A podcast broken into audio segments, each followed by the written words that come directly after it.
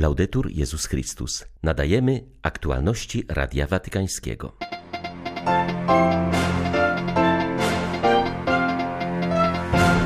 Papież mianował nowego arcybiskupa Paryża, został nim dotychczasowy metropolita Lille, arcybiskup Laurent Urlich. Franciszek chce, aby kapłan miał zapach owiec. U nas kościół ma zapach wojny, mówi ukraiński kapelan wojskowy. Rozpoczęła się pielgrzymka archidiecezji łódzkiej do Rzymu. Uczestniczy w niej również kardynał Konrad Krajewski. Ja cały jestem łodzią, przyznaje pochodzący z tego miasta papieski jałmużnik. 26 kwietnia witają Państwa ksiądz Krzysztof Ołtakowski i Łukasz Sośniak. Zapraszamy na serwis informacyjny. Papieżowi doskwierają silne bóle kolana. Z tego powodu za radą lekarza Franciszek musiał zawiesić swą dzisiejszą działalność. Przewidywała ona m.in. udział w obradach Rady Kardynałów, która pomaga papieżowi w reformie kurii rzymskiej. Papież mianował nowego arcybiskupa Paryża. Został nim arcybiskup Laurent Ulrich, dotychczasowy metropolita Lille zastąpił on arcybiskupa Michela Opetit, który w grudniu ubiegłego roku został usunięty z urzędu w wyniku medialnej nagonki. Arcybiskup Urlich ma 70 lat, pochodzi z archidiecezji Dijon. Komentując papieską decyzję w rozmowie z Radiem Watykańskim przyznał, że nigdy nie aspirował do tej funkcji.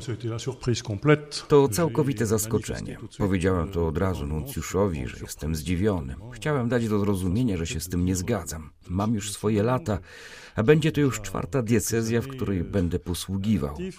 Chcę, aby moja posługa arcybiskupa Paryża była przejawem przyjaźni w Chrystusie. Nigdy nie aspirowałem do tej funkcji. Moją jedyną ambicją jest wypełnianie tego, czego Kościół ode mnie oczekuje. Rakiety spadają na całe terytorium Ukrainy. W nocy pociski manewrujące uderzyły niedaleko zaporowskiej elektrowni atomowej, a rosyjska armia przygotowuje się do zmasowanego ataku na Żytomierz. Jak zapewnia arcybiskup Światosław Szewczuk, morale ukraińskiego wojska jest jednak bardzo wysokie. Żołnierze wyzwolili pięć wiosek w okupowanym obwodzie hersońskim i głęboko wierzą, że uda im się oswobodzić cały kraj. Wciąż broni się intensywnie atakowany Mariupol. Ludzie na całym świecie dziwią się, skąd bierze się siła naszych żołnierzy i zwykłych mieszkańców naszych miast. Nie pochodzi ona od ludzi. W obliczu tak przerażającego i brutalnego wroga ludzkie serce musi zadrżeć, a broń wypaść z ręki mówi w dzisiejszym orędziu wojennym arcybiskup Szewczuk. Siła, która teraz się ujawnia, to moc pochodząca od Boga, która wzywa nasz naród do wolności, sprawia, że ustępuje strach, a w serca wstępuje nadzieja. To siła do obrony i czynienia dobra potrzebującym. Mamy przekonanie, że Chrystus zmartwychwstały w cudowny sposób jest obecny razem z nami na Ukrainie. Jezus nie powstał z martwych sam, ale wyszedł z grobu razem z całą ludzkością, ze wszystkimi ludźmi, którzy byli, są i będą. Błogosławieni ubodzy duchem, albowiem do nich należy Królestwo Niebieskie, mówi Chrystus w kazaniu na górze. Każdy ochrzczony wie, że nosi w sobie zadatek nieba, którego nikt nie może mu odebrać. Okupant może zabrać nam ziemię, zniszczyć domy, zagrabić nasze mienie, nawet zabić ciało, ale skarbu zmartwychwstania, który nosimy w naszych sercach, nie jest w stanie nam odebrać. Nikt od nas nie zmoże zabrać. Zaporoże na południowym wschodzie Ukrainy zostało dziś rano ostrzelane przez wojska rosyjskie. Trzy rakiety spadły na strefę przemysłową i na budynki mieszkalne. Są ofiary śmiertelne i ranni, jednak dokładna liczba poszkodowanych nie jest jeszcze znana. Władze miejskie proszą mieszkańców o pozostanie w schronach. Zostanę z ludźmi do samego końca, cokolwiek by się nie działo, powiedział w rozmowie z Radiem Watykańskim biskup Jan Sobiło. Pod obstrzałem jest także Charków oraz Krzywy Róg, gdzie znajdują się cenne dla Rosjan kopalnie rudy żelaza. Rosjanie chcą zdestabilizować gospodarkę Ukrainy, dlatego uderzają w strefy przemysłowe, wyjaśnia biskup pomocniczy Zaporoża. Ich celem jest przejęcie w całości obwodów zaporowskiego, hersońskiego, ługańskiego i donieckiego aby mieć wolny dostęp do Krymu i jednocześnie odciąć Ukrainę od Morza Azowskiego i Morza Czarnego. Nasi żołnierze zapewniają, że duch w nich nie upada, wręcz przeciwnie. Z każdym ostrzałem są coraz to bardziej zdecydowani nie tylko by się bronić, ale i wykurzyć Rosjan z Ukrainy, mówi biskup Jan Sobiło. Ludność, która do tej pory w Zaporożu była nastawiona na pomoc uchodźcom, tym, którym udało się wydostać z Mariupola, z Berdiańska, z Melitopola, dzisiaj rano odczuła, że jest takie samo zagrożenie i w Zaporożu, bo pod Zaporożem stoją tysiące żołnierzy rosyjskich, ponad tysiąc czołgów, armat, wozów pancernych. Rosjanie przygotowują się do frontalnego ataku też na Zaporoże. Pomimo syren, które dzisiaj wzywały do schronów, po tym obstrzale jednak wiele osób przyszło do kościoła. Wiemy, że nadzieja nasza jest w Panu Bogu. Dziękujemy Ojcu Świętemu za e, troskę, za błogosławieństwo. Każdym razem, kiedy przychodzi takie niebezpieczeństwo, wspominamy poświęcenie niepokolanemu sercu Dziewicy Marii, Ukrainy, Rosji i całego świata. Zdajemy sobie sprawę, że to, co przeżywamy, ono jest wpisane w wielką sprawę uwolnienia ze wszelkiego zła Europy i całego świata. Wiele osób zdecydowało się na wyjazd z Zaporoża na zachód Ukrainy lub dalej do Polski.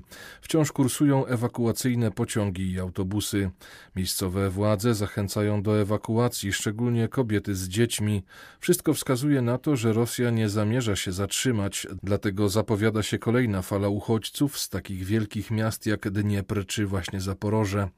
Dzisiejszy poranek pokazał, że zagrożenie jest ogromne, wyjaśnia biskup Sobiło. Planuję pozostać w Zaporożu do samego końca, tak długo jak będą ludzie. Nie tylko parafianie, bo ciągle przychodzą też nowi ludzie, którzy mówią, że ta wojna w pewnym sensie zmusiła ich do zastanowienia się nad sensem życia. A więc mamy też pierwsze spowiedzi, mamy chrzty, mamy ludzi, którzy odkryli obecność Boga właśnie w tej trudnej sytuacji. I wiem, że jestem tutaj potrzebny dla tych ludzi i dlatego jak długo się da, to ja będę tutaj y, w Zaporożu z ludźmi, co by nie było, do samego końca, to znaczy aż do zakończenia wojny. Każdy y, na moim miejscu postąpiłby tak samo, dlatego że zawsze jak jesteśmy w konkretnej sytuacji, to ta sytuacja nam podpowiada, jaki powinien być nasz wybór. Ja myślę, że każdy kapłan, który znajdowałby się tutaj w tej chwili, w tej sytuacji, odczułby to, co my tu przeżywamy, co ludzie przeżywają. Myślę, że kapłaństwo właśnie jest tym, że tam, gdzie jesteśmy potrzebni, to stać nas na to, aby trwać i nie czuję się jakimś tam bohaterem, a myślę, że każdy kapłan, który byłby na moim miejscu, pewnie też tak samo byłby z ludźmi i podtrzymywał. Ukraiński kapelan wojskowy ksiądz Oleksandr Kalaim był uczestnikiem trzeciego światowego spotkania misjonarzy miłosierdzia. W rozmowie z rozgłośnią papieską podzielił się doświadczeniem pomocy duchowej na froncie. Stwierdził, że o przebaczeniu można mówić dopiero wtedy, gdy ustanie ogień i zapanuje pokój. Rozejm nie wystarczy. Uważa, że będzie to długa droga, być może na trzy, cztery pokolenia. Ksiądz Aleksandr zaznaczył, że ludzie są wyczerpani, ale mają w oczach wiarę w Boga i w tych, którzy ich otaczają. Przytoczył przykład żołnierza z Krymu, pochodzącego z ateistycznej rodziny, który chciał przyjąć wszystkie sakramenty przed wyruszeniem do walki. Przez tydzień przygotowywał się do ich przyjęcia i był bardzo wdzięczny za ten dar. Od pierwszych dni swojego pontyfikatu papież mówił, że księża powinni pachnieć owcami. I teraz Kościół na Ukrainie ma ten zapach zapach spalenizny, zapach wojny. Nie sposób tego wyjaśnić słowami. Wraz z jednym diakonów przejeżdżaliśmy koło Doniecka i poczuliśmy zapach wojny. Zapachu śmierci nie da się wytłumaczyć. W Buczy, w Gostomylu czuć było swąd spalenizny. W Czernichowie unosi się zapach opuszczenia. Wszystko jest zniszczone. Biedni, samotni starsi ludzie. Jedna z osób od pięciu dni nie mogła się ruszyć. Nikt nie był w stanie jej pomóc. Do picia miała tylko wodę z kaloryferów. W ten sposób przeżyła. Każde miasto ma swój własny zapach cierpienia. Nie da się tego opisać. Tutaj Kościół musi nasiąknąć tym zapachem i być obok, oferując różne sposoby pomocy. Prawdziwy Kościół to taki, który się dostosowuje. Nie wiemy, jak długo potrwa ta droga krzyżowa dla Ukrainy, Dla nas to nadal wielki post, mimo że śpiewamy Chrystus zmartwychwstał. Zostali założeni w XII wieku jako zakon, który zajmował się wykupem chrześcijańskich niewolników z rąk muzułmanów. Wierni swemu pierwotnemu charyzmatowi, trinitarze, śpieszą na pomoc chrześcijanom, którym odmawia się prawa do wyznawania swej wiary. Dziś w Rzymie dobiega końca kongres Stowarzyszenia Międzynarodowa Solidarność Trinitarna, które wspiera prześladowanych chrześcijan. Wczoraj spotkał się z nim Ojciec Święty. Jak mówi Radiu Watykańskiemu przewodniczący tego stowarzyszenia, papież potwierdził aktualność tej misji. Wolność religijna nadal jest bowiem naruszana w wielu miejscach i na różne sposoby, mówi ojciec Antonio Aurelio Fernandez. My, trinitarze, jesteśmy obecni w wielu miejscach, gdzie trwają prześladowania. Jesteśmy również w tych krajach, gdzie zakazany jest sam krzyż, nie wolno go pokazywać, gdzie nie wolno mówić o Chrystusie. Pracujemy oczywiście w ukryciu, aby pomóc obecnym tam chrześcijanom, którzy również się ukrywają, ale dzięki nam wiedzą, że Kościół ich nie opuszcza, jest z nimi w tym milczeniu. Bo oni, nawet jeśli nadal istnieją, to muszą zachować milczenie, nie mogą się przyznać do swojej obecności. Również w ukryciu potajemnie sprawują sakramenty. Mamy swoje wspólnoty w Chinach. Jesteśmy obecni w Indiach, gdzie coraz bardziej nasilają się prześladowania religijne. Staramy się umacniać prześladowanych chrześcijan i uwrażliwiać na ich los. Bardzo ważne jest to, co robicie wy, Radio Watykańskie. Ludzie muszą wiedzieć, że prześladowani to konkretni chrześcijanie, którzy mają swoje imię i nazwisko, konkretne oblicze, historię życia, rodzinę. Niektórzy z nich nigdy nie mogą sprawować Eucharystii, wspominać o Chrystusie, czy mieć przy sobie choćby mały krzyżyk. To, że o tym mówicie, że świat o tym wie, jest jedną z najważniejszych rzeczy, które możemy dziś zrobić dla tych chrześcijan. Dzisiaj rozpoczyna się pielgrzymka archidiecezji łódzkiej do apostolskich progów w Rzymie. Jest to ukoronowanie jubileuszu stulecia archidiecezji, który zainaugurował 12 grudnia 2020 roku w Bazylice Archikatedralnej legat papieski kardynał Konrad Krajewski. Pojutrze pielgrzymi z kościoła łódzkiego spotkają się na specjalnej audiencji z papieżem Franciszkiem. Jałmużnik papieski kardynał Konrad Krajewski jako pochodzący z tej archidiecezji weźmie udział w kilku ważnych punktach programu. Rozmawiając z rozgłośnią papieską opowiedział, co sam zawdzięcza temu miastu i środowisku. Jestem cały Łodzią. Urodziłem się w Łodzi, w mieście czterech kultur, w mieście tekstyliów, przemysłu lekkiego, w mieście kościołów i także w młodej diecezji, bo ona dopiero ma 100 lat. To jest moje miejsce pierwszych miłości, potem, które przerodziły się w miłość do Kościoła. I choć jestem tutaj y, na Watykanie, to jestem cały łodzianinem. W tym zdaniu Łodzi zawdzięczam wszystko, czyli także archidiecezji, bo ja tam się kształtowałem, ja tam kończyłem seminarium, ja tam przypatrywałem się niesamowitym księżom, siostrom zakonnym. Byłem w przedszkolu felicjańskim, gdzie siostry były tak mądre, że nie dopuściły mnie do komunii pierwszej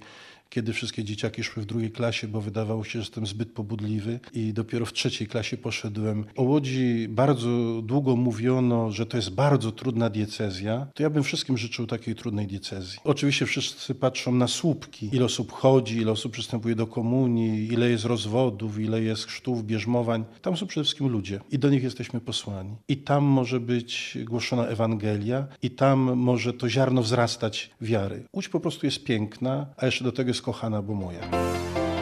Były to aktualności Radia Watykańskiego. Laudetur Jezus Chrystus.